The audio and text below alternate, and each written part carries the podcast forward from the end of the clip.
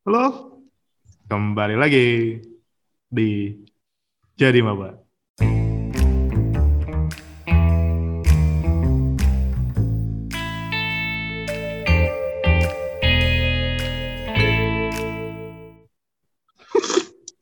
Ya, semoga udah episode ke-30-an itu udah jadi uh, bench atau trendmark kita lah ya. Semoga itu kita konsisten sampai episode 100. Ingat ini masih belum separuhnya. Masih ada jurusan-jurusan lain yang belum kita gapai ya. Emang belum belum separuhnya? Belum separuhnya, Bapak. Anjir. Tapi udah udah satu fakultas loh itu kan ini. Tapi kita iya, kita kan itu kan ya. Iya, maksud gua FE aja tuh baru ke ini satu dan itu juga Nah, iya benar sih. jurusan yang belum apa namanya yang kayak manajemen sama IE kita belum gitu. Mm-mm. Iya. Oke, Ya, nantilah. ya seiring berjalannya waktu, tenang aja, gue masih yakin soalnya ini banyak masih banyak didukung sama besti besti. Pede aja dulu. Beda aja dulu, biarpun biarpun nggak ada yang pernah ngaku jadi bestie kita ya. Iya. Heeh. Oke, ini eh, hari ini eh, adalah episode yang sebenarnya gue pengen banget dari dulu ngomong tentang jurusan ini. Sebab jurusan ini tuh bisa dibilang eh, kalau gue nyebut pasti terlintas di dalam pikiran lu tuh lapas, penjara, hal-hal yang pokoknya hal, -hal negatif lah, kriminal. Ya, sesuai dengan namanya kita akan ngebahas tentang jurusan kriminologi. ya. Nah, ini jurusan seingat gue dulu eh, bukan dulu kali ya, mungkin sampai sekarang ya, terkenal buat orang-orang yang suka main detektif-detektifan gitu. Kan ada tuh. Dan itu apa namanya barang-barang yang mahal-mahal banget. Oke, gue nggak pengen endorse karena emang belum ada yang endorse. Orang-orang yang jual detektif-detektifan silakan kontak kita, kita bakal kita bakal, bakal endorse. nah, udah biar nggak terlalu lama lagi di sini sudah ada Sabrina Azara dari Ilmu Kriminologi UI. Halo. Halo. Halo kakak-kakak Ya. semua. Ya, eh Sabrina eh, apa apa eh mic-nya dinyalain aja ya. Dinyalain aja Oh, nggak apa-apa. oke, Jadi oke. kalau mau ketawa ketawa aja. Nah, kita butuh butuh support juga, support ketawa. Oke. Ya, oke. Eh, Sabrina sebelumnya sebelum kita ke kamu, eh, nanti gue biasanya akan eh, bacain dulu tentang eh, profil jurusan kriminologi. Oke, eh, kriminologi UI itu eh, punya akreditasi A. Daya tampung tahun 2022-nya sekitar, nah ini gue nggak tahu nih, mungkin butuh klarifikasi. Gue ngitung tuh ada 90 orang, ini banyak banget. Karena biasanya rata-rata di di apa di FISIP itu rata-rata 60-an. Eh, dengan rincian senam PTN 18 orang, UTBK 27 orang, Mandiri 45 orang. Jumlah pendaftar tahun 2021 itu eh, totalnya adalah 4.873. Dia masuk tier tengah sebenarnya. Eh, senam PTN itu 532 orang, UTBK 1.400 orang, Mandiri 2.941. Jadi kalau misalnya senam PTN sebenarnya ini bukan banyak bukan pilihan banyak orang ya kayak gitu. Daya saingnya itu sekitar 6,91 persen. 6,91 persen ini daya saingnya cukup tinggi. Eh, apa dengan rincian senam PTN 3,38 persen UTBK 1,93 persen dan Mandiri 1,60 persen. Jadi buat teman-teman yang sed- sekarang sedang mempertimbangkan untuk masuk kriminologi senam PTN adalah peluang kalian paling besar untuk masuk karena dia daya saingnya sekitar 3,38 persen. Ini eh, kira-kira gue nggak tahu eh, jurusan lain di FISIP tapi eh, dari yang pernah kita wawancarai dia adalah jurusan yang bisa dibilang daya saingnya paling rendah. Karena kemungkinan memang karena senam PTN itu eh, pendaftarnya cukup sedikit ya kayak gitu. Tapi kita nggak tahu. Siapa tahu habis habis pada denger episode ini jadi banyak. Oke. Oke Sabrina. Eh nih gue baca daya tampung 2022 90 orang. Emang lo seangkatan ada segitu? Em, sebenarnya kalau krim itu tiap tahunnya itu eh, meningkat ya daya tampungnya. Di tahun 2015 sampai 2017 itu em, tidak sampai 70 orang Hmm, mereka. Biasanya paling banyak itu eh, 50 sampai 60 orang satu angkatan. Hmm. Tapi sejak tahun 2019 eh, prodi kriminologi mulai buka eh, banyak kuota buat eh, teman-teman SMA yang mau masuk ke krim gitu. Jadi hmm, dimulai tahun itu eh, mulai bisa nyentuh ke angka 90. Oke, ini 90 orang uh, kriminologi ada paralel nggak sih? Um, paralel itu terakhir tahun 2015. Uh, setelah itu sisanya hanya uh, reguler semua. Oh, pantesan. Karena karena beberapa beberapa kayak beberapa yang kemarin kita kita uh, wawancara kayak HI atau KOM itu uh, memang ada paralel. Mungkin uh, mungkin makanya makanya dia jalur jalur reguler itu cuma 60 orang. Berarti berarti memang di ini berarti ini 90 orang ini reguler semua ya. Mm-hmm, betul. Oke deh. Dip ngomong. Iya, halo ya, halo. Ih, kerja. Ya, nggak, nggak biasanya kan lu dulu, lu dulu pertanyaan-pertanyaan yang yang yang oke okay, udah 30 episode gue dengerin tuh pertanyaan samaan. Nah baru nggak, kita masuk ke hal-hal yang unik. Enggak, ya. lo pikir kenapa gue nyuruh lo? Karena gue juga bosan dengernya. oke. Okay. Ya, uh, kita mencoba untuk sebenarnya gue udah pengen langsung nanya tapi ntar dulu ya struktural dulu ya, struktural sistematis, sistematis. Jadi uh, oh ya panggilnya tadi siapa? Sebi. Sebi, Sebi, Sebi. Oke, Sebi. Kamu uh, masuk lewat jalur apa? Aku masuk lewat uh, eh, SNM kemarin. Oke, okay, SNMPTN itu pilihan keberapa? Uh, pertama. Oke, okay. pilihan keduanya ada nggak? Yang keduanya ada, tapi ini uh, benar-benar jauh, jauh banget dari krim sih. Kedokteran? Okay. enggak, oh, aku enggak. milih keguruan sih di UNJ. Oh, iya. Oke okay, itu itu lumayan jauh ya, itu lumayan iya. jauh sih. Lumayan ya. jauh Orang sih. yang dengar itu kaget sih, kenapa kok bisa? Biasanya kan kalau emang seneng di sosum pasti pilihan di sosum gitu. Nah. Kalau ke sosio ke jurusan lain yang masih adanya sangkut pautnya sama krim gitu. Oh, oke. Okay. Nah, uh, ini ini menarik ya, menarik maksud gue gini. Uh, lo kan pilihan keduanya keguruan dan gue gue kira sih tadi visi visi ya apa sesama visip juga. Nah um, dulu pas milih ini seingat seingat seingat kamu ya. Dulu pas milih jurusan yang kedua itu pernah nggak sih dengar ada kabar bahwa wah lu jangan milih dua jurusan yang nggak nyambung gitu loh nanti berpengaruh juga sama keputusan panitia. Ada nggak hal-hal yang kayak gitu kalau itu pasti ada sih apalagi kan uh, emang SNM itu kan gambling, milihnya emang harus hati-hati banget karena uh, yang bisa masuk ke SNM itu memang yang eligible aja kan dari awal, dari sekolahnya juga nggak uh, semua bisa dapat kota itu. Jadinya uh, emang benar-benar harus dipertimbangin banget. Tapi saat itu uh, aku mikir uh, emang ini sih yang aku suka. Jadi ya udah nggak apa-apa kalau emang aku nggak um, gak jalannya gitu di SNM ya udah aku nggak apa-apa ikut bimbel lagi buat belajar SBM gitu. Jadi ini emang pure keinginan aku sih dua jurusan itu. Oke. Okay. kan tadi udah, lo, udah, uh, lo ngomong uh, bahwa ini adalah dua kesukaan lo. Gimana bisa lo punya dua kesukaan? Maaf nih ya. Lo punya dua kesukaan. Satu suka ngajar satu suka ya itulah. Gitu. Gue nggak tahu nanti kita ngobrol tentang kriminologi Nah, itu tentang kriminologi gitu. Gimana apa yang terjadi dalam hidup lo gitu?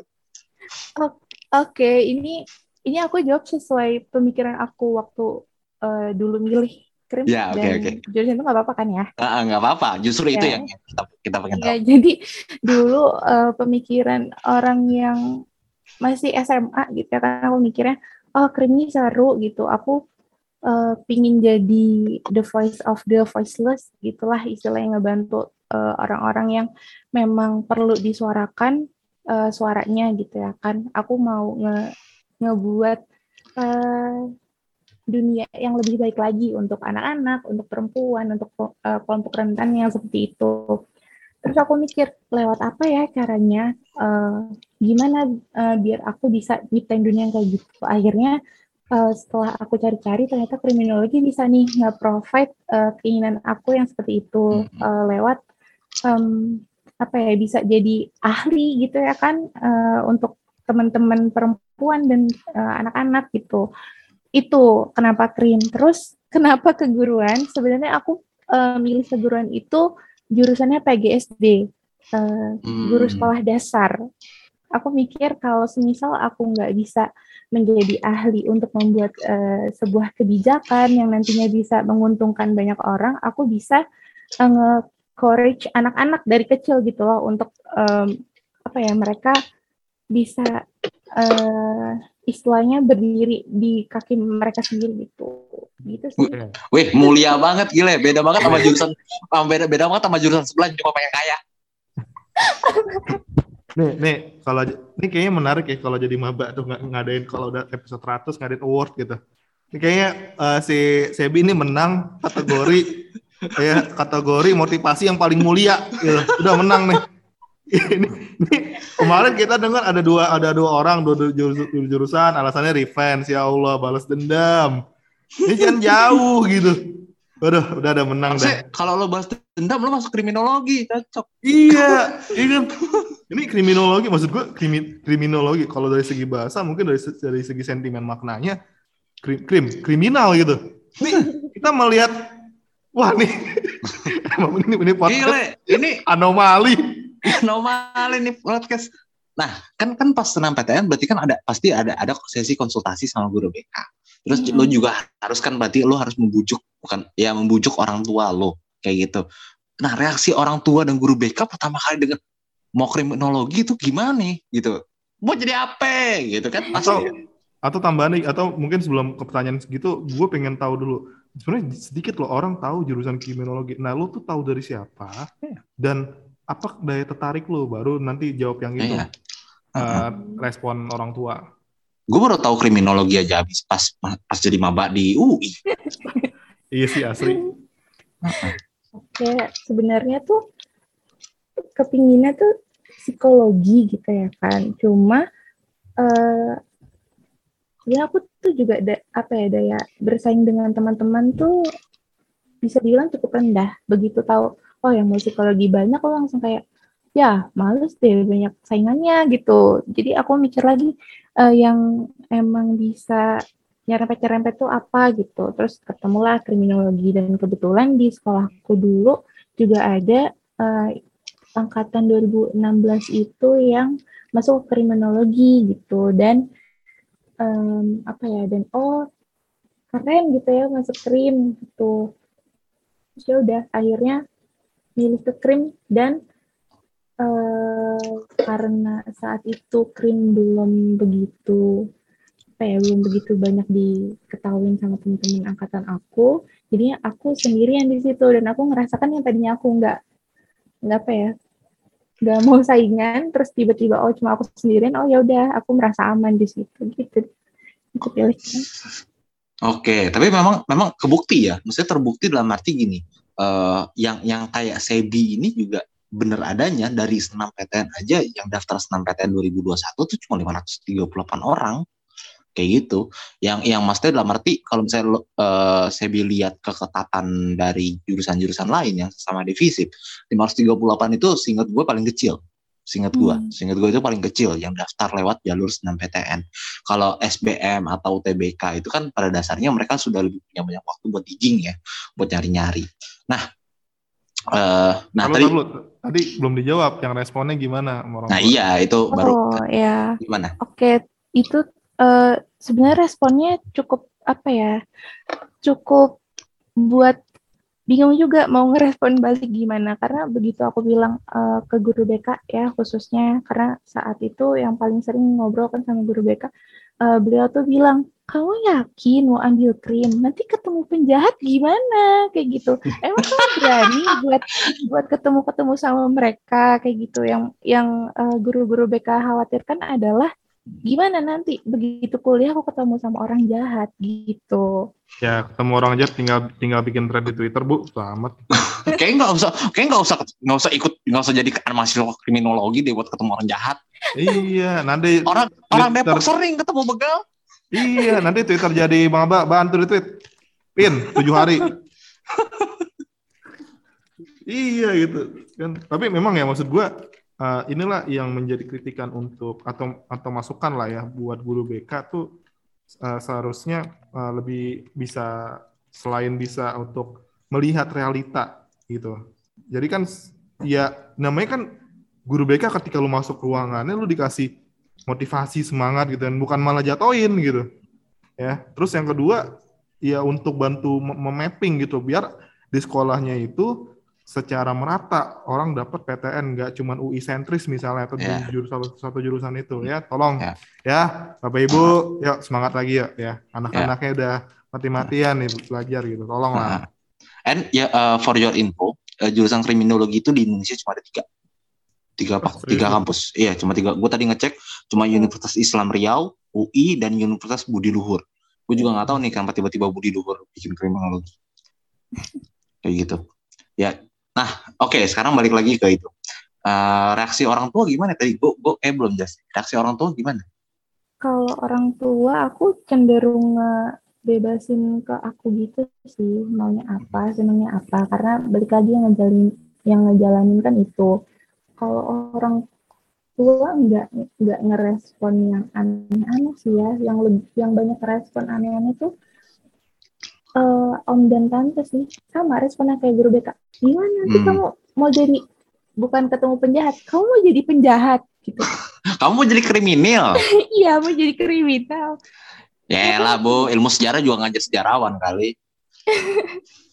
Oke. Okay. nah Sebi selalu apa kepilih nih eh bukan kepilih ya setelah lu daftar senam PTN itu uh, ada kepikiran nggak uh, pas SB ini, ini sebelum itu ya sebelum uh, apa ya sebelum pengumuman ya ada nggak kepikiran pas SB kalau misalnya nanti nggak keterima pas SBM mau ngambil jurusan lain ada kepikiran gitu nggak? Hmm, jujur nggak ada sih. Nggak ada berarti ketika SBM pun lo akan tetap pilih uh, apa pilih kriminologi itu. Ya. Oke. Okay. Nah kalau itu kan tadi ya maksudnya dalam arti ya uh, dari orang tua sudah oke okay, dari guru BK udah udah ya begitulah ya. Sempat ada keraguan gak sih di lo kayak ya ya enggak ya? Bener nggak ya ketemu penjahat? Gitu. Sempat ada kepikiran gitu nggak sih? Hmm, sebenarnya uh, kalau takut iya ya. Maksudnya uh, pasti kan kalau kuliah ada turun lapangannya segala macam. Yang aku khawatirkan itu sih uh, apa iya benar bakal ketemu sama penjahat atau atau hal-hal yang menyeramkan lainnya yang berbau kriminal gitu. Cuma uh, di sini aku uh, beruntungnya punya kakak kelas yang bisa aku tanyain gitu tentang krim. Bener atau enggak sih uh, kalau krim itu tuh bakal uh, lebih sering berinteraksi sama penjahat, uh, sama orang-orang yang berlaku kriminal kayak gitu. Ternyata setelah aku uh, cross check lagi, aku tanya-tanya lagi, oh ternyata enggak dan um, dan belajarnya juga enggak enggak apa ya, enggak serta merta tentang kriminologi gitu, tentang kriminal uh, tiap hari ketemunya dengan orang-orang yang uh, melakukan tindak kejahatan gitu. Oke oke. Nah kalau uh, ini setelah lo keterima gitu ya, setelah lo keterima terus kemudian mulai mulai semester pertama lo nah ke, di kriminologi itu uh, kalau misalnya apa ya kalau misalnya wajib fakultas wajib universitas ya rata-rata mungkin para besti udah tahu ya uh, seperti apa nah kalau misalnya untuk jurusan kriminologi sendiri ketika maba itu dapatnya apa dulu kalau waktu semester satu dari krimnya sendiri cuma baru dapat satu matkul sih itu pengantar kriminologi. Hmm. Nah, pengantar kriminologi kan akhirnya akhirnya mulailah lo belajar tentang apa yang disebut kriminologi. Nah, kalau hmm. secara singkat nih untuk kalau misalnya lo harus menjelaskan ke teman-teman yang awam yang belum yang bukan anak kriminologi. Kriminologi itu apa sih?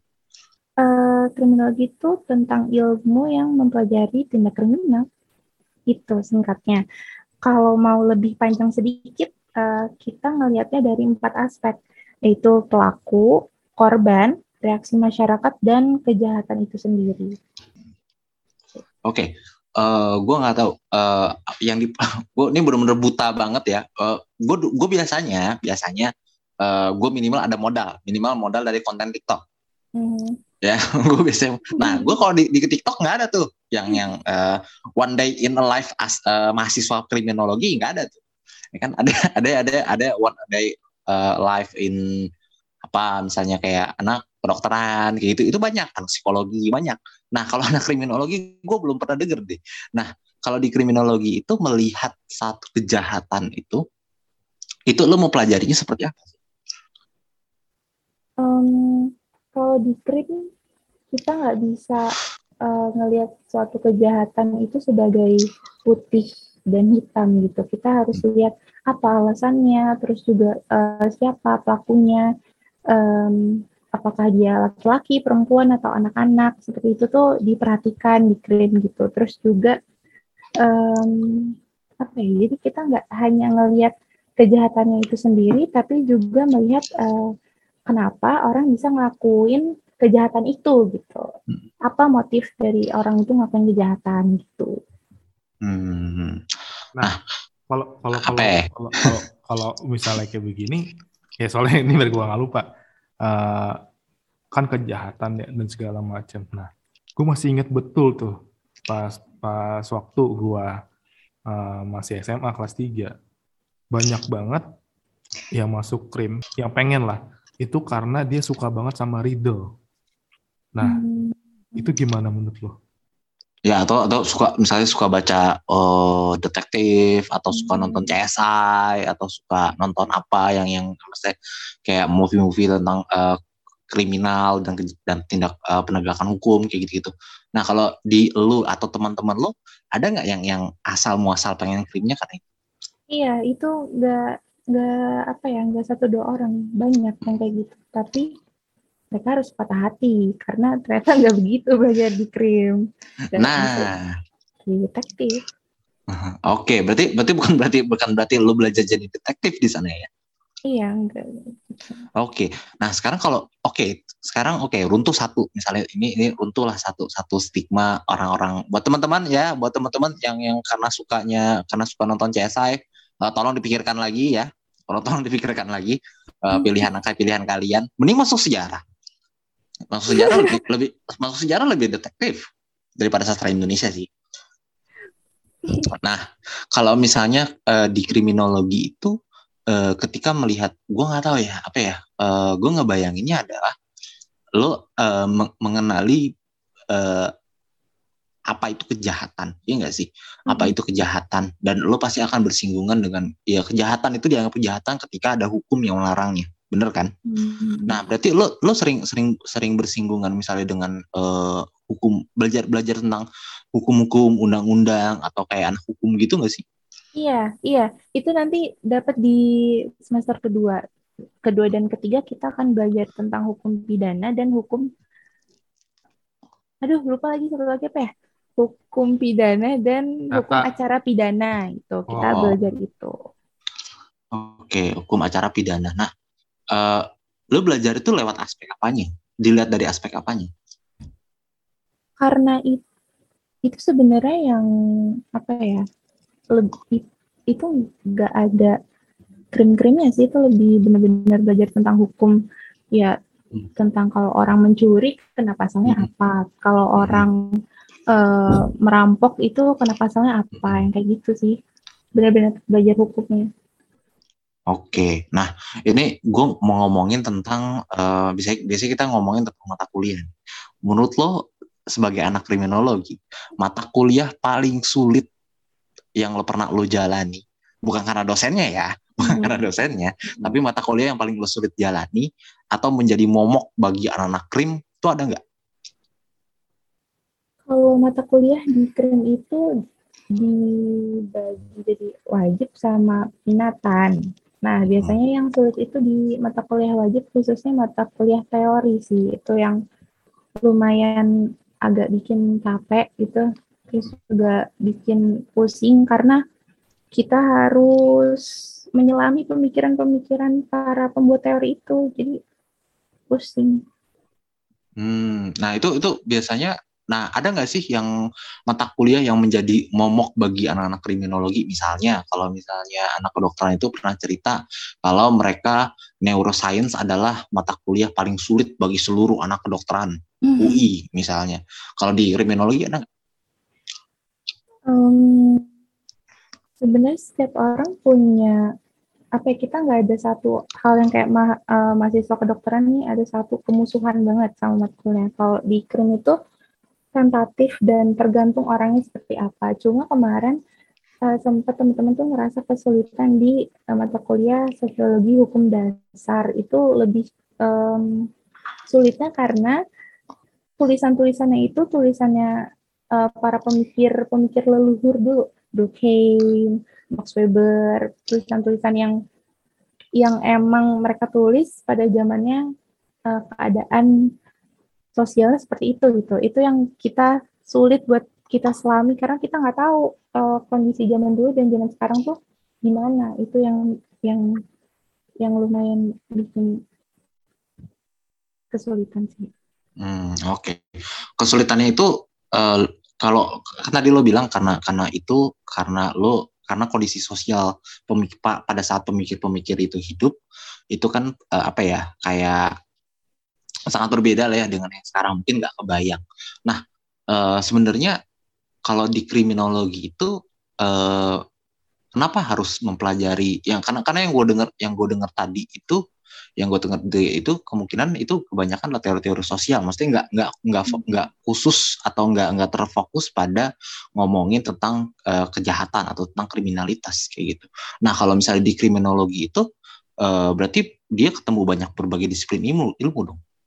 Iya, uh, kriminologi itu kalau kata senior-senior yang uh, sudah lulus ya, kriminologi itu uh, disiplin ilmu yang mempelajari semua ilmu gitu. Karena hmm. di setiap aspek itu ada kejahatan itu. Terus juga uh, kita disebutnya itu adalah king without kingdom. Kita kita belajar semuanya tapi kita nggak ada satu hal yang yang apa ya yang tetap gitu. Jadi gitu deh nah uh, eh, gue masih penasaran sih masih penasaran uh, letak kriminologinya tuh di mana sebenarnya Ya, kalau misalnya, ya, dari, tadi gue nungguin ya, itu. Nah, letak kriminologinya, letak kriminologinya tuh di mana? Sedangkan yang lo pelajarin tuh banyak dari berbagai disiplin ilmu.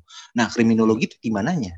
Kok misalnya ya, contoh gini, kalau misalnya gua tuh uh, ketika ketika gue ketemu tuh bahasa banget ya di semester awal namanya pengantar linguistik umum. Mungkin kalau Dimas ketika dia udah ketemu buku ya buku, buku Babone sejarah nasional Indonesia, wah ini sejarah banget nih gitu.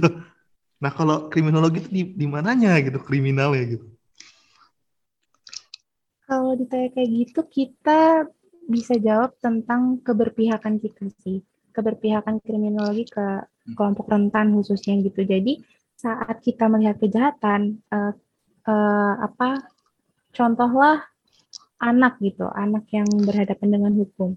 Kita lihat, um, oke okay, kalau secara hukum kan mereka melanggar, misal kebut-kebutan di jalan itu kan melanggar hukum e, berbahaya segala macam itunya. Tapi kalau di kriminologi kita lihat kenapa sih kalau dia bisa e, ngelakuin hal kayak itu, kayak begitu, terus juga e, dipengaruhi oleh apa pergaulan kah, e, apa tempat tinggal dia, terus juga motivasinya apa dia ikut kayak gitu. Lebih ke kayak gitu sih kita ngelihat balik lagi tadi yang aku bilang kita ngelihat tentang motifnya kenapa orang bisa uh, melakukan kejahatan gitu terus juga um, bingung sih ya karena semuanya juga dipelajarin tapi hmm. itu itu tadi letak kriminologinya kriminologinya itu kenapa uh, gue penasarannya uh, atau uh, ada nggak sih matkul atau apa gitu yang di dalamnya itu ngebahas ya kasus pembunuhan ini, kasus pembunuhan berantai ini, Jack the Ripper atau misalnya di Indonesia sendiri yang kayak gitu-gitu. Nah iya, kalian belajar tentang modus operandi pen, uh, penjahat nggak sih? Kayak cara bongkar berangkas.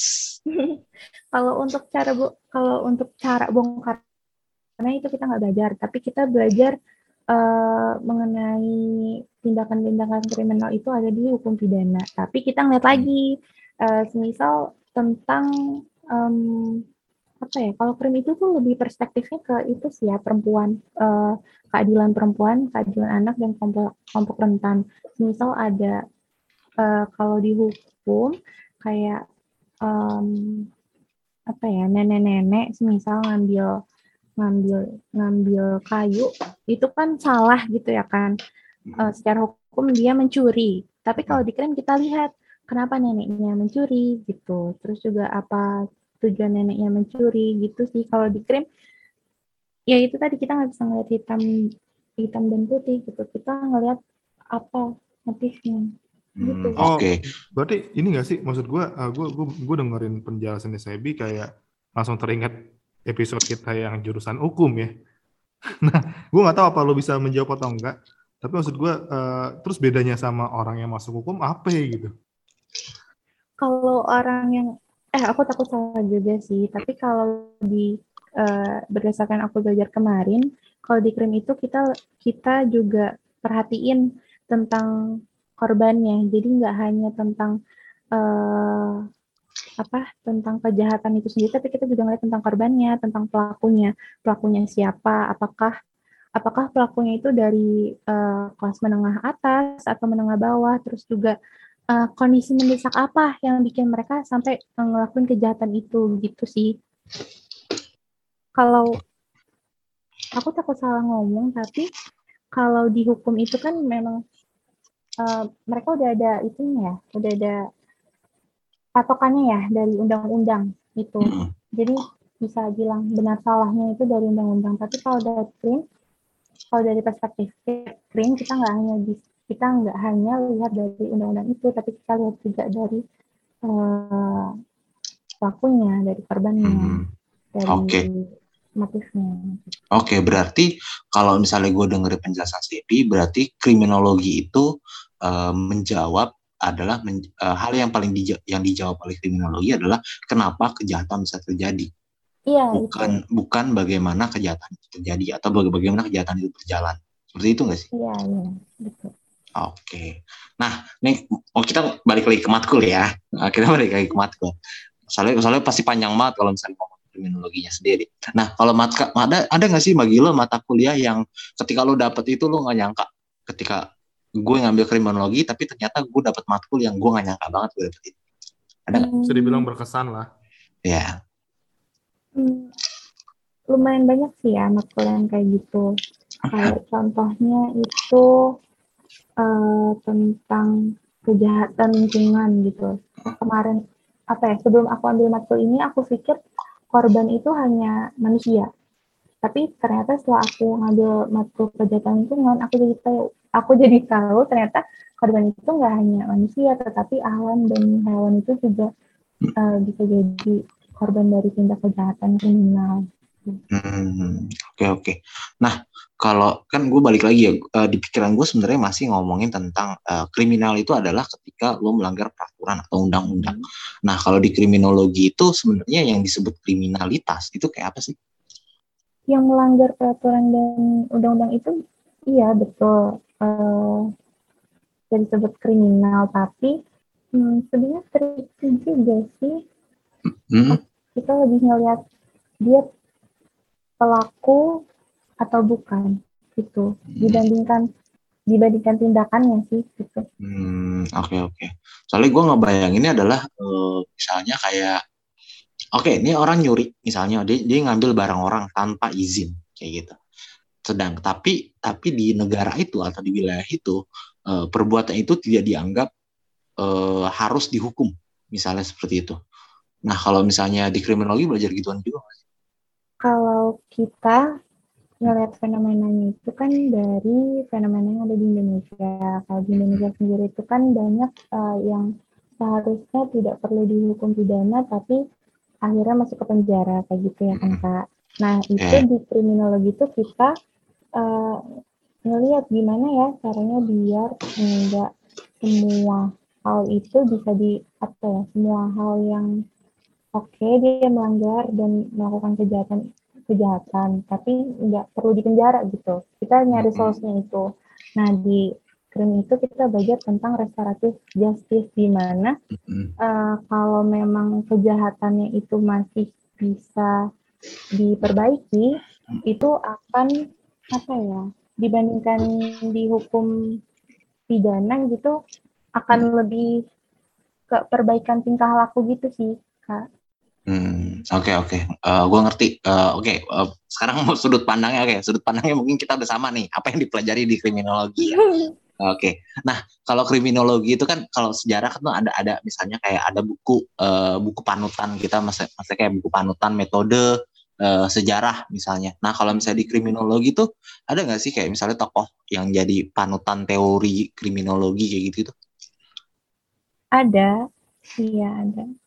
Uh, ada beberapa tokoh yang yang kita pelajari juga tentang perilaku gitu kayak uh, Sutherland itu terus juga hmm, kita belajar dari pendahulu juga sih kayak Cesare Lombroso gitu ilmu kriminologi itu kan ilmu yang berkembang. Jadi uh, apa ya banyak premis-premis yang zaman zaman dulu itu diakui tapi setelah berkembang zamannya lagi uh, itu tuh udah nggak berlaku lagi. Terus juga apa ya berarti kan muncul tokoh-tokoh kriminologi baru itu. Jadi hmm. banyak banyak handbooknya sih hmm oke okay, oke okay. nah uh, kan uh, lu tadi bilang uh, bahwa ternyata uh, di kriminologi itu nggak belajar tentang bagaimana memberantas kejahatan ya kayak gitu ya hmm.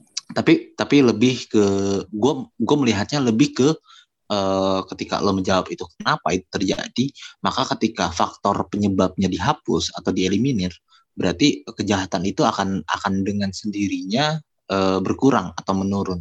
Gitu nggak sih? Mm -mm. Iya gitu. Sebenarnya, sebenarnya kalau di krim itu kita dibandingkan uh, apa ya melihat angka fenomena kejahatan, kita tuh lebih melihat Eh, kejadian-kejadian yang ada di di apa ya di masyarakat gitu loh kak. Ntar ya sambil Adip nyari-nyari tentang itu ya tentang apa tentang eh, pertanyaan-pertanyaan netizen tentang kriminologi. Nah, buat teman-teman yang tadi masuk kriminologi, mungkin uh, gua rangkum sedikit. Kriminologi tidak uh, tidak belajar untuk bagaimana memecahkan kasus seperti misalnya detektif atau kayak misalnya CSI atau kayak gimana, tapi lebih kepada uh, lebih kepada uh, menjawab atau menjelaskan fenomena yang terjadi di masyarakat. Tapi fix ya, uh, Sherlock Holmes dulu kalau ngampus jurusannya pasti bukan kriminologi ya. Ah, uh -uh. Sherlock Holmes kayaknya sejarah deh. Sejarah deh. iya gitu kan. Mm -mm. Eh atau itu apa uh, apa literasi forensik? Kan ada tuh nah, beberapa kasus tuh. dia yang ngomongin tulisan. Bisa, bisa. Oke, okay. nah tadi uh, Sebi udah cerita-cerita ke kita bagaimana sebenarnya kriminologi itu berjalan. Tapi uh, kalau misalnya kita melihat uh, kriminologi itu sebenarnya secara garis besar gitu. Secara garis besar yang pasti tidak menyelidiki tidak menyelidiki bagaimana cara menuntaskan satu kasus, tetapi lebih kepada mempelajari tentang fenomena-fenomena. Itulah kenapa kriminologi masuknya ke Fakultas Ilmu Sosial. Yeah. Seperti itu ya, teman-teman. Yeah. Jadi jadi buat teman-teman yang suka mempelajari, kalau gue ngeliatnya adalah dari cita Sebi itu adalah uh, bukan yang suka sama detektif mungkin lebih tepat, tapi yang hmm. suka melihat fenomena-fenomena sosial yang terjadi di sekitar mereka. Betul, gue sepakat. Lo akan lebih lo akan lebih cocok banget untuk masuk ke kriminologi. Betul, soalnya ya kalau dengar dari ceritanya Sebi, gue kayak uh, melihat bahwa benar kata Dimas ya, bukan menyelidiki dan lu penasaran sama kasusnya secara teknik ah. gitu. Tapi kayak ini kalau ada ada fenomena kriminal satu dua tiga, lu adalah orang yang punya empati tinggi gitu. Ini kenapa bisa kayak begini ya? Kok bisa? Ya. Kok bisa? Kok bisa? Bukan karena ini gimana nih? Ini gimana pas udah diceritain udah gitu, kabur gitu. Ya. Enggak, lo lo nggak jadi detektif Conan di sini, enggak. Enggak, enggak. Enggak, lo nggak jadi detektif Conan di sini, oke? Okay? Nah, it, ya bukan bukan itu yang dipelajari di kriminologi, oke? Okay? Jadi teman-teman yang sering yang suka banget uh, gue justru melihatnya uh, adalah yang suka banget mempelajari masalah sosial atau sering uh, kali melihat uh, senang melihat fenomena-fenomena sosial cocok banget masuk kriminologi. Ya, dan dan gitu. mungkin uh, ada ada mungkin yang suka banget sama pasta gitu ya cerita-cerita yang wah itu beneran sampai mendetail banget yang kalau hmm. dulu di kasus namanya itu disturbing picture ya yeah. setelah mendengar penjelasan Sebi kayaknya nggak ke arah situ sih Enggak, tapi kriminologi nggak ke arah situ Iya, kayak bener kata Dimas, fenomena sosiologinya itu lebih mendalam lagi. Dan gue rasa memang um, mata pelajaran paling dominan di SMA yang berkaitan dengan ini ya ketika lu demen sosiologi, selain ilmu sosiologi, mungkin lu bisa ngambil film. Gitu. Kayak gitu. Oke, kita lanjut. Nah, kita sekarang ngomonginnya tentang lu di kampus nih, Sam. Okay. Ah, lu kalau kriminologi tugas itu rata-rata kayak apa sih? Kalau di krim itu uh, lebih banyak nge-review bahan sih itu. Terus juga sesekali kalau kita perlu kita bisa turlap tuh ke biasa kita turlap ke kejaksaan, ke pengadilan, terus ke, ke Mahkamah Agung, ke lapas pun juga kita pernah ke sana tugas. Uh, kalau misalnya uh, jurnal-jurnalnya itu biasanya gue nggak tahu apakah di jurnal internasional tuh ada satu session seksi section tentang uh, kriminologi kan? Hmm. Kayak gitu ada nggak sih? Ada. Kan oh, kan kalau di UI kan kita langganan tuh ya kan di remote lab kita bisa cek itu kalau hmm. semisal buka ke Gstore hmm. uh, dan cari tentang kriminologi di situ ada lengkap tentang ilmu-ilmu hmm. uh, ilmu-ilmu yang dibahas yang dibahas hmm. terus juga tentang uh, fenomena-fenomenanya gitu. Oke, okay. nah uh, ketika lo masuk nih, ketika kita ngomongin tentang uh, apa ya, ekspektasi lah ya. Kan lo pasti lo punya ekspektasi atau sebuah bayangan di kepala lo ketika lo masuk kriminologi nih. Uh, bayangan di kepala ketika SMA. Nah, apakah bayangan itu sama ketika lo sudah berada di kriminologi setelah belajar sampai sekarang? Apakah ternyata, wow beda banget gitu loh? Sebenarnya nggak uh, bohong sih kalau kepengen juga belajar tentang detektif-detektif itu, tapi ternyata hmm. setelah masuk dan dijelaskan langsung sama dosennya, ternyata kita nggak belajar tentang detektif, itu lumayan sih kayak ya gitu ada ada rasa kecewanya, rasa sedihnya karena ternyata kita nggak nggak yang mecahin kasus gitu, justru lebih ngeliat kasusnya lebih dalam seperti apa kayak gitu. Hmm. Cuma overall karena memang tujuan awalnya aku adalah menciptakan lingkungan yang lebih baik untuk mm -hmm. kelompok-kelompok rentan dan ternyata itu bisa diprovide oleh krim jadi kekecewaan yang uh, tadi itu bisa isi bisa terbalut gitu lah nah kalau misalnya nih ngerjain tugas nih biasanya itu bentuknya uh, kalian ngerjain makalah kah? Atau misalnya kayak ada ini ini pertanyaan sejuta umat. Hmm. Ada ngitungnya nggak? Ada hitung-hitungannya nggak? Kalau di Krim uh, selain selain kayak mata kuliah untuk kita nyelesain skripsi ya kualitatif kuantitatif itu nggak ada sih.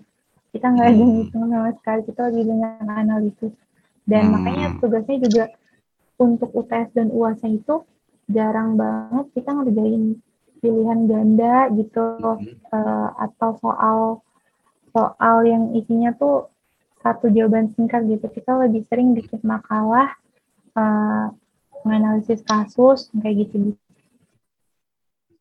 Nah, kalau misalnya di perkuliahan lo itu, kan biasa biasa lah ya di perkuliahan tuh pasti ada kayak circle circle kayak gitu. Kita kemarin ngobrolin, uh, biasanya kita ngobrolin adalah uh, bukan stigma ya, tapi kayak menurut lo nih anak kriminologi itu kelihatan gak sih dan dandanannya? Kelihatan. Kalau ditakor tuh hmm. kali pasti bisa bisa ke kiri gitu. Oh ini anak krim gitu. Kecirnya dari apa? Dari bajunya. Kalau anak krim tuh baju wajibnya warna hitam. Eh, gimana? Gimana? Ini mau ngapus atau mau ngelawat? Ini enggak ntar dulu. Ini perjurusan punya baju punya baju dinas masing-masing apa gimana? Iya iya. Kalau di FISIP iya kak. Itu oh gitu? Hmm, jadi oh kalau di FISIP itu kan kita bertujuh. Nah, tujuh jurusan itu tuh punya warnanya masing-masing gitu. Hmm. Kayak kalau uh, HI itu putih, terus kalau krim tuh hitam gitu. Dan dan dulu kita kan kalau baru maba itu kan ada yang namanya ospek jurusan. Kalau di krim tuh namanya mabim, masa ah. bimbingan. Nah, di mabim itu uh, tiap kali kita mabing itu tuh harus pakai baju hitam gitu. Jadi hmm. bakal bakal ke kiri gitu. Uh, mana maba krim mana bukan maba krim. Kalau maba krim hmm. tinggal dilihat aja bajunya hitam itu anak krim gitu. Oke ini menarik banget sih. Kenapa kenapa dia ada seragam? Oke oke oke. Eh, kriminologi nggak mau ganti gitu. Misalnya hijau toska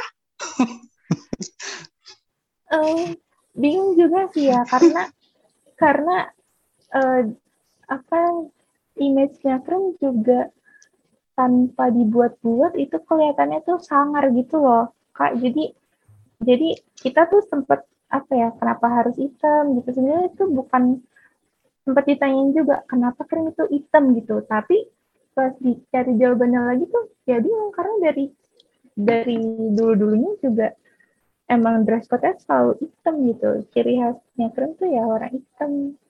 Itu tau gak sih uh, dari mana gitu? Apakah memang hitam itu melambangkan duka dukanya mungkin duka pelajarannya atau duka anak-anak yang ngikutin enggak habis, maksudnya gini habis. mereka ngomong mereka uh, mereka bilang bahwa krim itu kesannya sangar. Dari tadi saya bi ngobrolin tentang mata kuliahnya nggak ada sangar-sangarnya. Mungkin mungkin bukan matkulnya kali ya tapi lebih ke orang-orangnya kali ya yang ada di dalam krimnya gitu mungkin bukan aku tapi orang-orang yang lain kelihatannya gitu. Eh tapi tapi gue mau nanya nih, uh, perbandingan perempuan dan uh, laki-laki mahasiswa krim tuh jomplang gak sih? Kalau aku bilang itu jomplang banget sih perempuan. Oh jomplang. Daripada laki-laki. Eh lu gimana gimana? Perempuan? Ya lebih banyak daripada laki-laki. Wah, justru gue tadi mikir sebaliknya loh. Sorry banget ini. Gue gue mikirnya justru sebaliknya karena tadi ada kesan sangar ya. Ada kesan sangar jadi gue pikir, ih kriminologi. Mungkin justru laki-laki lebih banyak. Ini justru iya. perempuannya ya lebih banyak ya? Iya, justru perempuannya lebih banyak. Hmm. Kalau aku nggak salah ya, di angkatan aku itu ada 78 hmm. orang, laki-lakinya 18 doang. Sisanya perempuan. Itu itu bukan jomplang lagi, itu jomplang lagi. itu itu kayak kayak apa ya? Kayak kedokteran gigi kali ya? Tapi kalau di FIB kayak sastra Korea nggak sih? Iya, kayak sastra Korea. Oh, sastra Korea banyak perempuan. Nah, sastra Korea banyak perempuan ya. Gitu. Lebih, lebih banyak perempuannya karena biasanya uh, yang masuk sastra Korea karena memang ya demen Korea Koreaan hmm. di awalnya gitu karena itu kan dan itu kan kebanyakan perempuan ya. Seperti itu. Ya laki-lakinya gue rasa juga sebanding sebenarnya cuman malu aja. Ya sama seperti ya orang-orang yang suka sama JKT48 gitu ya. Suka tapi kan ketika dibilang wota tidak mau. Nah, sekarang uh, kalau di krim, lo kan pernah ngerasain offline ya. ya, ya. Kalau di krim itu ada itu nggak sih kan kalau HI kan terkenal ambis gitu kan. Bahkan kemarin kita ngobrol sama anak HI bilang bahwa ambisnya orang lain tuh bisa bisa bisa apa ya bisa ngedorong kita buat ngabis juga. Nah kalau di krim itu kayak gimana? Apakah santai? Apakah ya udah? Atau misalnya ternyata ngabis juga? Hmm, kalau di krim itu lebih banyak mainnya sih kalau aku lihat. Krim tuh seneng buat main dibandingkan akademis ya. Jadi kayak kita kalau selesai kuliah tuh uh, suka kumpul bareng buat uh, latihan rutin, volley gitu atau bulu tangkis kayak gitu. Kita tuh seneng seneng main-mainnya gitu. Cuma meskipun kita seneng main, kita juga tetap belajar belajarnya tetap, cuma nggak yang nggak yang uh harus belajar mulu. Enggak gitu kita ya udah gitu kalau kita lebih seneng main-main sih dibandingkan belajar karena belajar sudah menyenangkan. Betul sekali. Nah, sama kayak anak sejarah. Anak sejarah juga sering main bareng. Belajar barengnya sih nggak pernah. Belajar sendiri juga nggak pernah. Oke. Nah lo ikut ikut kegiatan non akademis organisasi kah bem kah apa pun aku ikut hima Oke, nah kalau sebagai kan lo di Hima pasti punya tanggung jawab lah ya, apalagi ketika ada ada acara-acara, pasti kan uh, setiap Hima, setiap bidang tuh pasti punya satu acaranya masing-masing. Nah, lo sebagai oh, anak krim apa? Uh, eh, gue penasaran, lo di Hima jadi apa? Di Hima tahun ini jadi wakil ketua. Oh, wakil ketua. nah, nah, gue pengen nanya, sebagai anak kriminologi nih, lo ngebagi waktunya sulit gak sih? Kalau dibilang sulit, enggak sih, karena kalau dulu offline ya, uh, kan belajar dari jam 8 tuh mulai sampai paling sore jam 5. Itu hmm. udah belajarnya tuh ya udah dari jam 8 sampai jam 5 doang. Sisanya ya udah ikut organisasi rapat, terus juga ngejalanin proker yang kayak gitu-gitu. Jadi untuk pembagian waktunya nggak sulit karena udah ya udah udah satu gitu di jam 8 sampai jam 5 hmm. belajarnya gitu. Sisanya organisasi. Tapi kalau online itu beda lagi karena hmm, entah aku atau yang lain juga ngerasain perbedaan untuk kita kita belajar dan untuk kita santai itu tipis banget waktu online karena orang-orang mikir uh, di rumah itu lebih fleksibel bisa bisa ngapain aja uh, se se apa ya sepanjang hari gitu. Karena nggak harus pulang balik dari kampus ke rumah terus juga nggak harus mobilisasi segala macamnya karena kan kita di rumah doang.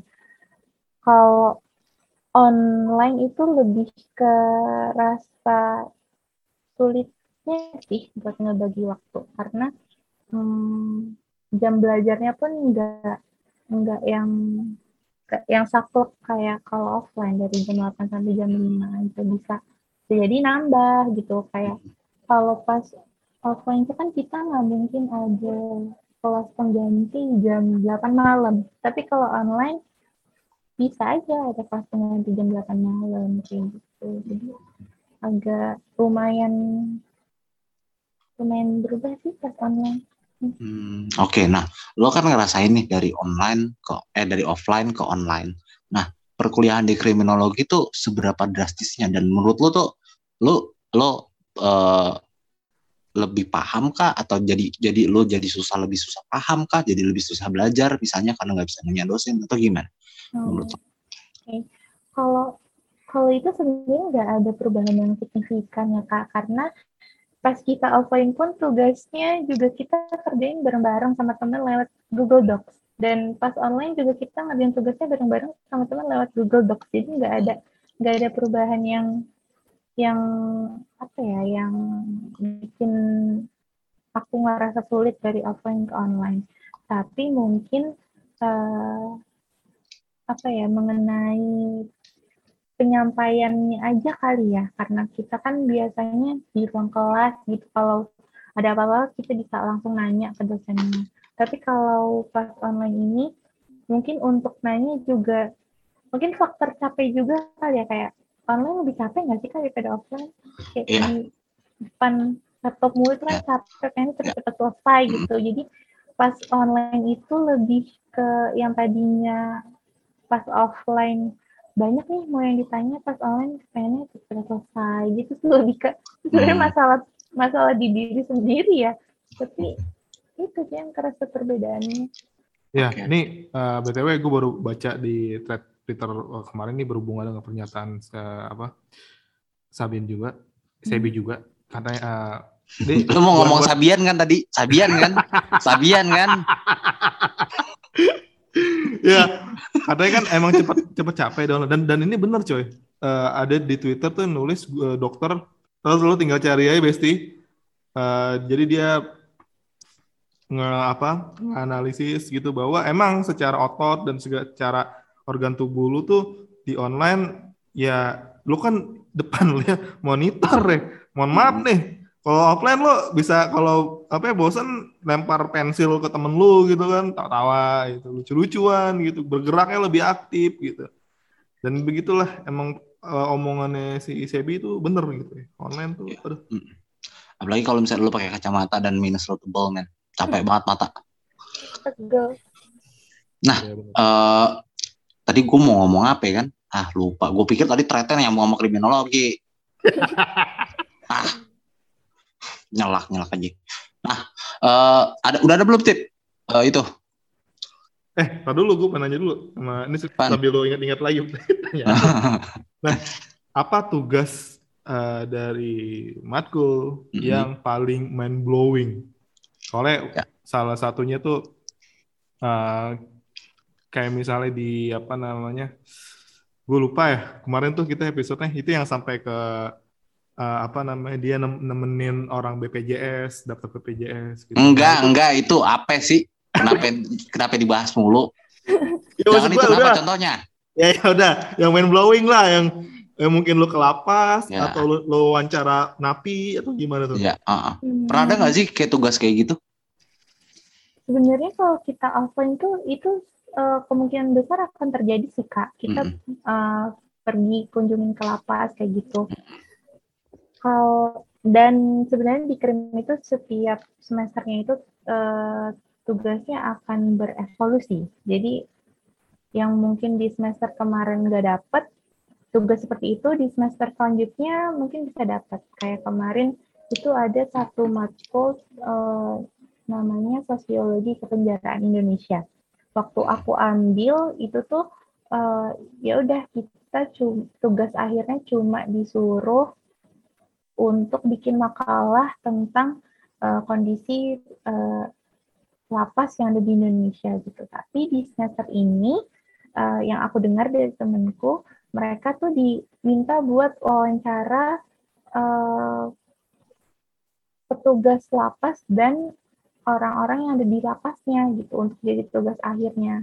Itu sih itu itu perbedaan yang lumayan apa ya lumayan bikin iri karena selama online ini kita tuh nggak bisa buat turlap kita cuma ngandelin data-data yang ada di internet doang gitu ya kan terus uh, tiba-tiba muncullah tugas untuk pergi ke lapas ya agak bikin iri sih karena bisa turlap lagi gitu. Hmm, Oke, okay. berarti berarti lo selama online ini belum pernah turlap?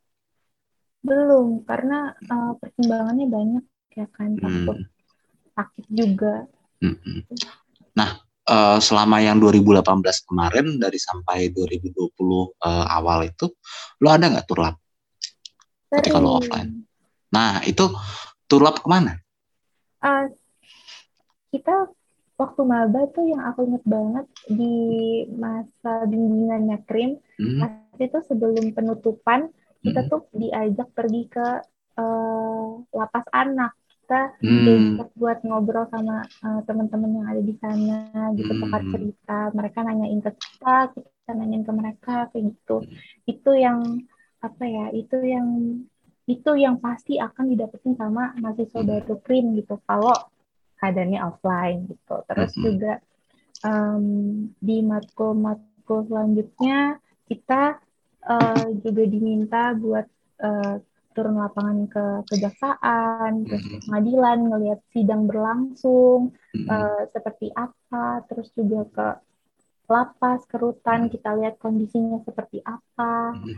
kayak gitu. Kita juga pernah uh, diminta buat uh, turun lapangan ke organisasi-organisasi uh, mengenai anak gitu kita lihat hmm. anak-anak tuh uh, gimana mereka uh, sekolahnya terus dari gimana mereka bersosialisasi dengan teman-teman budayanya gimana orang-orang di sekitar mereka memperlakukan mereka kayak gitu gitu sih kalau pas offline. Nah, gue nggak mau nanya spesifik uh, bagaimana di lapas seperti apa, tapi gue cuma mau nanya bagaimana perasaan lo ketika lo menemui itu? Ketika lo menemui mereka apa yang lo rasain waktu itu nangis sih kak hmm. waktu uh, pergi ke lapas itu hmm. nangis karena um, kita ada sesi ngobrolnya gitu kan hmm. uh, di situ tuh mulai apa ya yang uh, kan banyak ya stigma stigma hmm. orang mengenai orang yang masuk ke penjara tuh semuanya jahat, nakal, hmm. uh, menyeramkan kayak gitu. Tapi setelah hmm. kita ngobrol, uh, apa ya, tatap muka gitu, kita tahu ceritanya seperti apa. Hmm. Uh, jadi aku tersentuh juga gitu dengan ceritanya. Oh ternyata mereka mereka yang ada di sana itu masuk uh, nggak pure karena kesalahan mereka, tapi juga ada apa ya mereka yang kayak dijebak yang kayak gitu-gitu tuh bisa bisa bisa ada di sana terus juga yang bikin nangis mereka tuh uh, apa ya disediain sama petugas lapasnya untuk nulis pesan-pesan untuk orang tuanya gitu. Ternyata uh, mereka yang ada di sana tuh apa ya um, harus menunda cita-cita mereka karena mereka harus melakukan kewajiban mereka di dalam lapas kayak gitu. Itu sih yang yang lumayan apa ya uh, membekas di aku pas ke lapas. Oke, nah ini kan lo sudah melewati berapa semester sih berarti hitungannya nih sudah mau tujuh tujuh semester berarti ya? Iya udah lewat tujuh. Perubahan apa sih yang yang lo rasain uh, setelah uh, dari lo dulu SMA sebelum jadi masuk kriminologi, kemudian sekarang sudah belajar tentang kriminologi, tentang belajar. Uh, eh, gue mungkin kalau misalnya ngomongin kriminologi uh, buat besti-besti tolong dipahami sebagai uh, kriminologi adalah ilmu yang mempelajari tentang fenomena sosial. Ingat ya, kayak gitu ya. Ini tidak terbatas hanya ngomongin kejahatan, gitu ya. Sekali lagi. Nah, uh, kalau misal apa sih perubahan perbedaan yang lo rasakan atau misalnya lo berubah jadi orang kayak gimana sih setelah lo belajar tentang kriminologi itu? Jadi lebih punya keberpihakan sih kak. Mm-hmm. Jadi uh, begitu ada tentang apa-apa tuh nggak mikir lagi oh harus berpihak ke mana ya. Nah, kita harus ngeliat uh, ke pelakunya atau ke korbannya ya. Begitu masuk ke krim, aku tuh bisa langsung oh kita harus nih kita harus ada di pihak korban gitu. Kita harus ada di pihak yang memang dirugikan paling besar di di eh dari kejadian itu gitu. Itu sih yang paling aku aku rasain. Aku nggak nggak jadi mikir mikir lagi yang ini siapa yang ini siapa yang salah siapa yang harus dibela siapa yang uh, harus lebih diperhatikan gitu itu masuk krim langsung oh iya ternyata korban yang memang harus ditaruh di posisi pertama dari segala jalannya Hmm, oke. Okay. Nah, Dip, udah belum? Uh, gua, Tanya gua, netizen. Gue gue gue gue jadi pengen terlalu sebelum gue buka. Gue pengen nanya kalau misalnya nih ya, kalau misalnya ada kasus, gue gak mau nyebut kasusnya, tapi mungkin lu tahu yang sangat main blowing dan sangat miris lah. Belum apa akhir-akhir nih. Nah, kalau misalnya, waktu itu temen gue yang anak hukum itu dia langsung ngebahas secara hukum, secara Nah, kenapa dia sih nggak nggak di, diproses secara pidana atau misalnya gimana? Nah, itu kan disebutin pasal-pasal. Nah, hmm. kalau lo sebagai ya anak kriminologi melihat fenomena yang sangat miris itu, fenomena yang sangat miris ya, hmm. itu lo menyikapinya tuh gimana? Kalau misalnya nah. mungkin disuruh buat uh, statement atau tulisan, apa yang akan lo tulis gitu? Nggak, uh, atau misalnya gini, uh, kalau kita pernah ngobrol sama anak anak ilmu komunikasi. Anak ilmu komunikasi ketika ngelihat billboard, dia dalam hati akan ngejudge jelek atau tidaknya billboard itu atau jelek atau tidaknya iklan itu penyampaiannya. Nah, kalau di uh, anak kriminologi apa sih yang ada di uh, otak uh, anak kriminologi ketika melihat satu berita misalnya, berita tentang kejahatan A atau apa misalnya. Apa sih? Ada nggak yang beda? Kalau kalau kita langsung lihat korbannya sih apa yang dirugiin gitu korbannya tuh hmm. kerugiannya seperti apa terus juga kita lihat uh, apa yang bisa bikin dia ada di posisi jadi korban gitu ada relasi hmm. kuasanya atau enggak itu sih yang pertama hmm. kita yang langsung kecetik di otak adalah ini ada relasi kuasa atau enggak kayak gitu terus ini uh, ada uh, apa uh, abuse of power atau enggak yang kayak gitu-gitu sih kita ngelihatnya terus juga ini aku langsung jawab pertanyaan Kak Adit yang tadi Kak. Iya, iya. Jawab kok. Jawab. Itu kalau kita sama ya mikirnya aku dan pikirannya Kak Adit sama, pasti yang akan yang akan dilakukan adalah kita nanya dulu korbannya mau apa.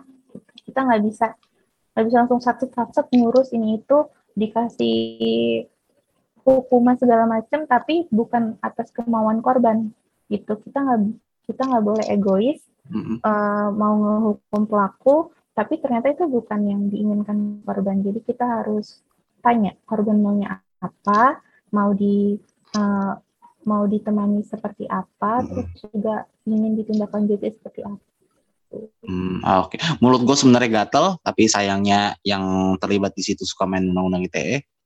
Hmm. Malas. Ih, eh tau nggak nggak asik anda nggak asik. Aduh, dikit-dikit undang ITE, tapi ya udahlah ya.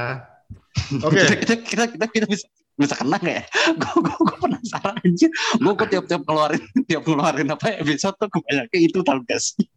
Iya. Tapi menangnya Besti. Uh, Ya, kalau dulu kita pernah bilang malas ngedit, semenjak sudah terlempar ya dari peringkat atas, kita ingin kualitas lebih bagus, kita nih, mohon maaf nih, kita setiap setiap episode kita bakal edit ini. Udah nggak males lagi. Tenang aja kan udah ada editor. Ya, iya. Oke. Oke, ini langsung aja dari pertanyaan. Uh, mungkin yang paling klise ya pertanyaan dari semua jurusan mungkin ada. M, uh, eh, MJB kriminologi termasuk prospek kerja yang luas tapi sepi peminat nggak sih? Nah, Tanggapan lo? Ah, tanggapan lo gimana, Mas Ted? Kalau lo dengar dari alumni-alumni lo, pada kerja apa sih? Nah, Kalau kerja tuh kayaknya banyak ya, maksudnya variasinya tuh banyak gitu. Terus juga aku ngeliatnya hmm, dari alumni-alumni sepertinya mereka tidak kesulitan untuk mencari kerja gitu. Karena Hmm. di Krim eh, NGO-NGO itu tuh butuh juga orang-orang yang apa ya eh, yang bisa ngeliat dari perspektif kriminologinya gitu. Jadi Hmm. kalaupun kita nggak bisa eh, bekerja di BUMN atau di perusahaan lainnya, kita bisa menyasar ke NGO yang kayak gitu-gitu sih kak. Jadi nggak nggak tertutup sih. Terus juga kalau misal mau ke kepolisian itu sebenarnya juga juga terbuka-terbuka aja jadi enggak enggak enggak sulit sih Kalau misalnya di kuliah kriminologi itu ada peminatannya nggak sih penjurusannya? Kalau setelah misalnya mau apa, misalnya misalnya mau semester akhir nih, biasanya kan mungkin ada penjurusannya kayak misalnya mungkin eh, kalau tel, eh, kalau komunikasi ada penjurusan eh, jurnalis, periklanan, periklanan, sama PR kayak gitu. Kalau di kriminologi ada nggak sih? kita dulu ada tapi sekarang udah nggak ada sejak tahun 2018 Hmm. kalau dulu eh, itu kita dibagi empat di krim ada penegakan hukum transnasional jurnalisme dan forensik gitu tapi semenjak ada perbaharuan kurikulum eh, angkatan 2018 itu nggak nggak harus milih eh, peminatannya mau apa lagi tapi kita dibebaskan uh, memilih mata kuliah yang kita inginkan gitu. Jadi dari keempat keempat peminatan itu bisa kita ambil semua. Hmm, oke oke. Udah kejawab ya? Udah berarti? loh, udah ya. Ya jadi teman-teman kalau ngomongin prospek kerja jangan nanya kita. Nah, gitu. ya kerja rezeki masing-masing lah. Apa ini pasrah banget anjing. Kagak, maksudnya gini loh. Kan kita kita kita kan udah bilang bahwa di podcast kita yang paling kita hindari sebenarnya adalah ngomongin tentang prospek kerja Iya, sebenarnya. padahal makanya itu itu yang kita tulis di biografi kita, Besti. Iya. Eh, baca gak sih? makanya makanya kadang kita ngomongin tentang prospek kerja cuma kalau ditanyain netizen. Kita mah nggak pernah nanya. Ya rezeki masing-masing. Soalnya kalau ngomongin prospek kerja sedih ngeliat jurusan sendiri. Oke. Oke. Ada pertanyaan apa dari netizen nih? Eh, ini bukan pertanyaan sih. Nih biasa ya. Tweet-tweet lucu atau tweet-tweet yang butuh eh, tanggapan, terlebih buat anak krimia langsung. Terus ada yang ada yang nge-tweet gini, ayo spill buat referensi yang masih bingung pilih jurusan PTN. Spill jurusan yang paling dibutuhkan di lima tahun ke depan. Terus ada yang ada yang quote replay dan like-nya ada 6, jadi lumayan ya. Krimon, kriminologi of course, selama orang masih hidup, kejahatan bakal selalu ada. Jadi krim bakalan terus kepake. Nah, apakah Anda setuju? Ya gimana gimana Sebi menanggapi eh, quote retweet itu yang nggak tahu deh. Netizen, netizen. Enggak salah sih karena memang di setiap aspek kehidupan itu ada yang namanya kejahatan. Cuma cuma ini juga ironisnya apakah kita mau memberantas kejahatan itu itu kalau kalau misal kita mau ya ilmunya bakal kepake kalau misal nggak mau ya nggak bakal kepake gitu sih sebenarnya pilihannya Oke oke. Ya ampun Mas, bukan kan kriminologi ada bukan kan ada karena ada kejahatan terus Mas, karena ada fenomena sosial Mas. Dengerin podcast ini Mas, ntar saya ma- ntar kita mampir ke situ. Oke. Nah, ini ini ada yang tweet lagi menarik ya. Tapi eh, menariknya gini, dia ada dia nge-upload foto. Fotonya itu kontennya si Judge yang kasus mengerikan The Sweet Case Killer. Nah, terus dia captionnya gini, time to belajar kriminologi. Hmm. Nah, bener nggak sih? Nah, kayak gitu. Boleh nih, maksudnya eh, kriminologi tuh, nah jadi jadi mungkin ngelihat apa ya, ngelihat dari eh, fenomena di internet ya salah satunya adalah kriminologi masih dilihat atau masih distigmain hanya belajar tentang uh, kejahatannya. Kejahatannya masih spesifik ya, spesifik kasus kasusnya. Nah, boleh dong lo tekenin lagi nih. Kriminologi itu belajar ini nih. Gitu.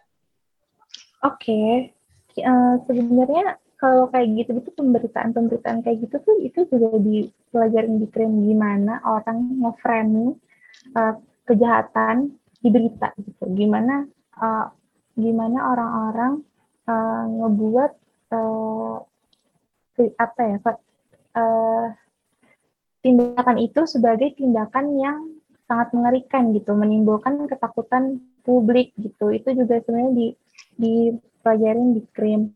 Cuma enggak lagi-lagi ini ya kak, kita nggak bisa memecahkan uh, teka-teki dari dari tindak kejahatan kita lihatnya fenomenanya gitu. Nah itu teman-teman ya, besti-besti sekali lagi bukan jadi teteh Conan masuk kriminologi. Sherlock Holmes nggak masuk nggak masuk kriminologi kalau dia kuliah di UI. Masuk apa dia? Masuk kedokteran kayaknya dia. Nah, ini ada gue ada pertanyaan netizen juga. Uh, Kak, mau tanya syarat uh, eh, gue nggak perlu kasih tahu kasih tahu apa kasih tahu dari mananya nggak karena ini nanti jatuhnya endorse uh, kak mau tanya uh, syarat masuk kriminologi apa ada syarat kayak minimal rabun gitu nggak oh nggak ada minimal apa. punya laptop 8 juta gitu kan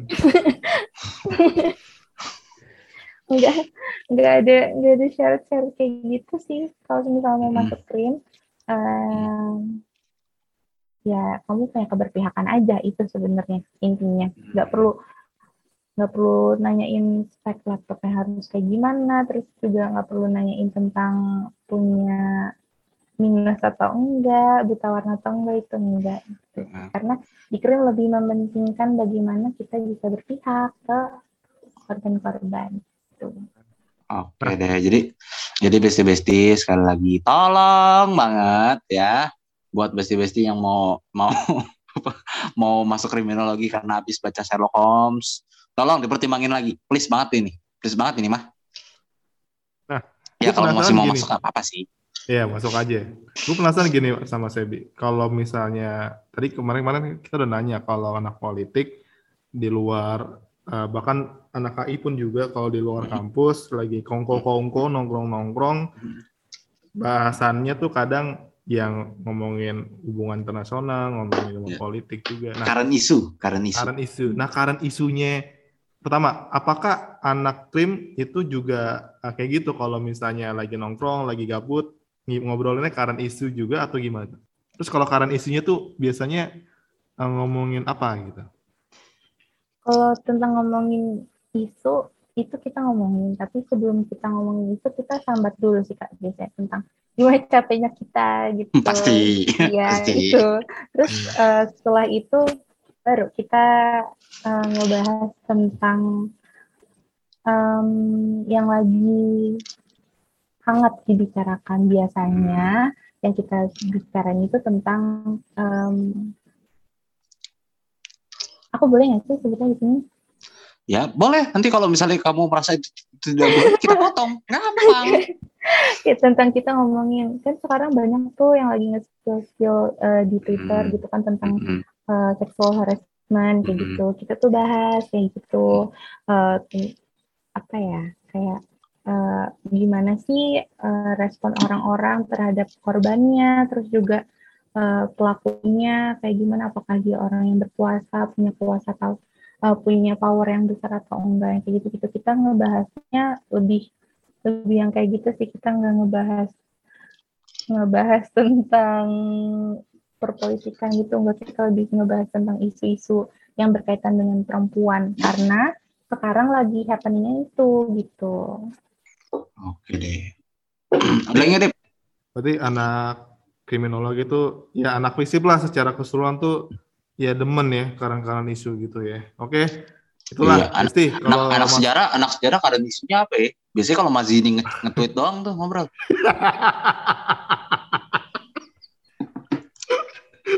Tersebut, Bang, podcast sih, Bang. bang, podcast sih, Bang. Nggak tahu sih bahasa apa, Bang. Iya, bahas, bahas thread dia aja. Oke, nih ada pertanyaan lagi tentang kriminologi. Hmm. Lebih bertanya kepada, ini ada yang nanya, eh, bi- bisa nggak sih nyicil, ini orang ngambis banget ya, bisa nggak sih nyicil kriminologi itu dari sekarang? Nah kalau ada tuh bukunya tuh biasanya apa? Ada nggak sih buku yang lu favor, yang lo rekomendasiin lah ini? Untuk dibaca kalau misalnya lu pengen tahu tentang kriminologi itu apa misalnya.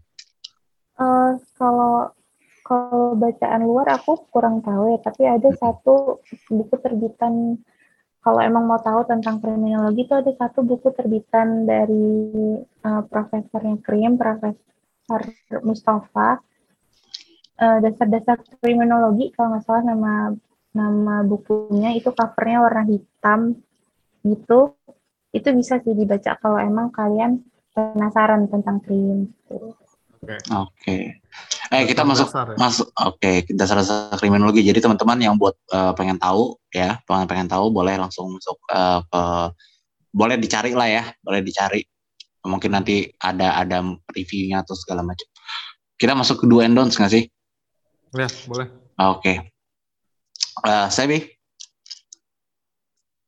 Ya, kenapa kak? ya kita masuk eh, ke do and don'ts. Biasanya gua akan nanya begini. Masuk kriminologi kalau jangan masuk kriminologi kalau silakan Hmm. jawab. masuk kriminologi kalau kamu emang senang mengkritisi dan menganalisis eh, kejadian-kejadian fenomena sosial. Jangan masuk kriminologi kalau kamu malas baca karena fenomena sosial itu selalu selalu apa ya terupdate setiap harinya sih. Oke. Oke, buat Besti yang malas baca, masuk matematika aja. Ya, Masuk, masuk, masuk statistika, statistika tuh, statistika tuh. Kemarin statistika kan bilang kan kalau dia Eh. bacanya lemah. Iya. Masuk statistika.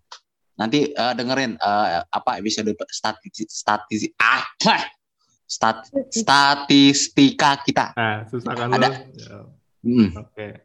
Susah banget itu itu jurusan heran gua nyebutin. Iya. Nah, kalau sebenarnya sebenarnya kalau kalau misalnya uh, dari pembicaraan dari tadi yang paling menarik bagi gua, gua gua, gua ini baru denger ya, baru denger dari Sebi aja tuh anjir men. uh, ini emang emang jurusan yang bakal ngebuka ke yang bakal ngebuka keberpihakan lu banget, ke keberpihakan lu banget. Nah, itu dan itu berulang kali disebutin sama Sebi gitu. Jadi kayak ngebuka empati lu dan segala macamnya. Nah, mungkin pertanyaannya ke Sebi akan gini. Kan udah sekarang udah semester berapa? Sep? Semester 8.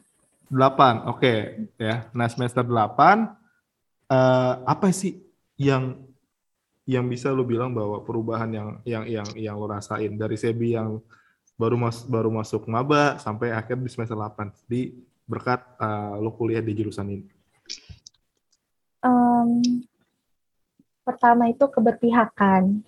Terus juga ternyata setelah masuk tuh aku tahu ada beberapa term yang akan lebih baik digunakan dibandingkan term yang lain. Kayak penggunaan term perempuan itu lebih baik daripada wanita gitu dan lebih apa ya lebih kalau perempuan itu lebih memberikan eh, apa ya power gitu dibandingkan menggunakan wanita. Kata-kata yang seperti itu eh, itu juga eh, perubahan yang aku dapetin setelah belajar dari krim. Terus juga mengenai stigma-stigma yang kita nggak kita bilang kalau anak itu nakal gitu. Kita nggak setelah belajar di krim aku jadi eh, mikir lagi buat bilang kalau anak itu nakal. Sebenarnya anak anak itu nggak ada yang nakal hanya terpengaruh oleh lingkungannya. Yang pemikiran-pemikiran yang tadinya terlalu cepat buat menentukan dia A dia B itu akan apa ya aku akan lebih hati-hati untuk menentukan itu sih kak setelah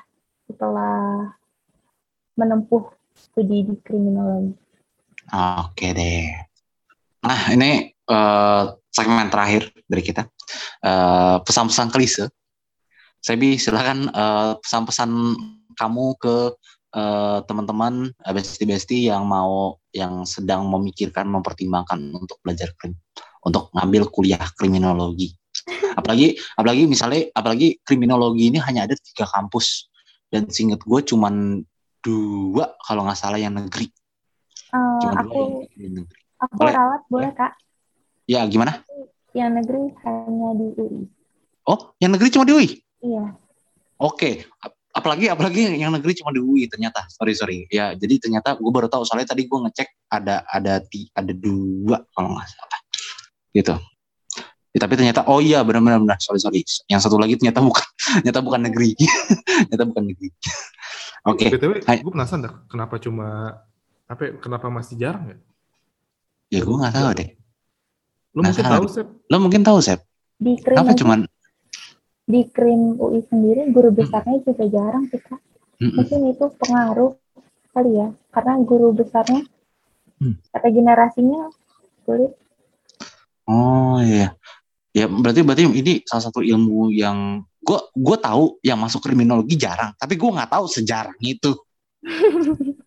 Beneran gue aja baru tahu yang negeri cuman UI doang ternyata.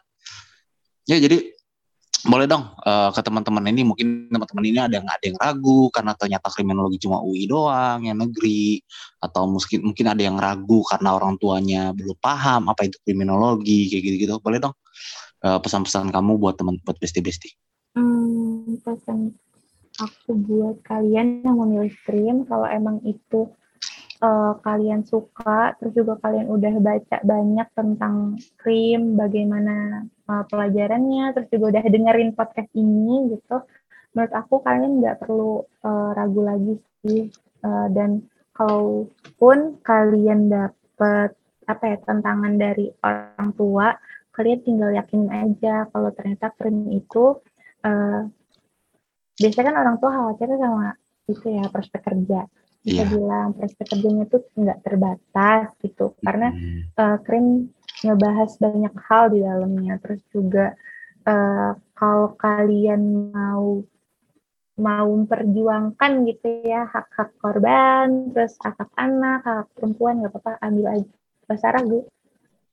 Ya, jadi ini sangat pas sekali buat teman-teman, buat besti-besti yang sangat tertarik dengan fenomena sosial dan gue nggak tahu apakah ini tepat eh, atau tidak dibilangnya, tapi kalian pengen eh, apa ya, pengen berperan atau memiliki kontribusi lah dalam dalam apa ya, dalam memberikan ruang yang lebih nyaman dan lebih adil bagi masyarakat Indonesia seperti kata Sebi tadi. Betul. Oke deh, Sebi, thank you banget sudah gabung sama kita. Thank you juga Kak. Ya, uh, uh, thank you banget sudah gabung sama kita dan buat teman-teman uh, mudah-mudahan apa? tapi tapi ada yang ada yang pengen di endorse gak Oh iya benar. Sebi silakan mungkin ada acara kriminologi mungkin yang mau dikasih tahu atau Atau seminar atau Kriminologi. usaha boleh ya boleh boleh silakan. Ah, kebetulan udah selesai simak krimnya, jadi aku udah nggak ada acara yang bisa aku promote lagi. Terus kebetulan juga aku lagi nggak ngurusin usaha apa-apa, jadi nggak ada kak. Oke deh. Oke buat teman ya udah. Oke buat teman-teman eh, kalau misalnya kalian eh, habis dengar podcast ini kemudian jadi tertarik sama kriminologi atau misalnya mungkin teman-teman yang eh, mengira bahwa kriminologi adalah seperti eh, jadi detektif, mudah-mudahan tercerahkan habis nonton habis dengerin episode ini ya. Eh, dan gue eh, ya perusahaan ya pesan gue ya jaga, jaga jaga kesehatan lagi, jaga kesehatan Omikron masih masih banyak, pandemi masih ada dan gak usah lah kalau keluar kalau misalnya nggak perlu perlu banget ya. Dan ya kalian dengerin podcast ini aja ya 30 episode cukup untuk menemani hidup menemani hari-hari kalian. Oke. Un- gue mungkin terakhir dari dari gue itu. Dep makan mulu. Ya ditunggu ditakor ya ditunggu. Eh, takor itu eh, adalah eh, nama nama kantin dari Visip ya buat Iya. teman-teman. Oke sampai jumpa di takor dan mungkin jangan lupa eh, gue nggak tahu sih bakal ketemu apa enggak ya. Ya kalian boleh nanti promosi ke teman-teman kalian kalian baru denger ini untuk kriminologi. Kriminologi UI yang satu-satunya di Indonesia gitu ya. Dan gue nggak tahu ya gimana ya pra eh tapi Sep, gimana perasaan lu eh, sebagai anak yang jurusannya cuma ada lu doang Jujur rasa keren banget sih kak. Oke, oke. Maksudnya kan kalau misalnya ada ya, kalau misalnya sejarah kan ada simposium mahasiswa sejarah nasional gitu ya, perkumpulannya pun ada. Dia sendiri. Satu Indonesia cuma 90 orang itu doang. Oke, oke, oke. Tapi ya eh, ini kriminologi eh, unik banget dan buat teman-teman ini sangat uh, apa ya sangat worth it untuk untuk kalian pilih dan salah satu pilihan yang uh, sangat uh, ya kalian nggak bakal nyesel lah kalau gue bilang kalau kalian milih ini. Oke deh dari gue dan Adip pamit. Sampai jumpa lagi di episode berikutnya. Bye bye. Bye. Bye-bye.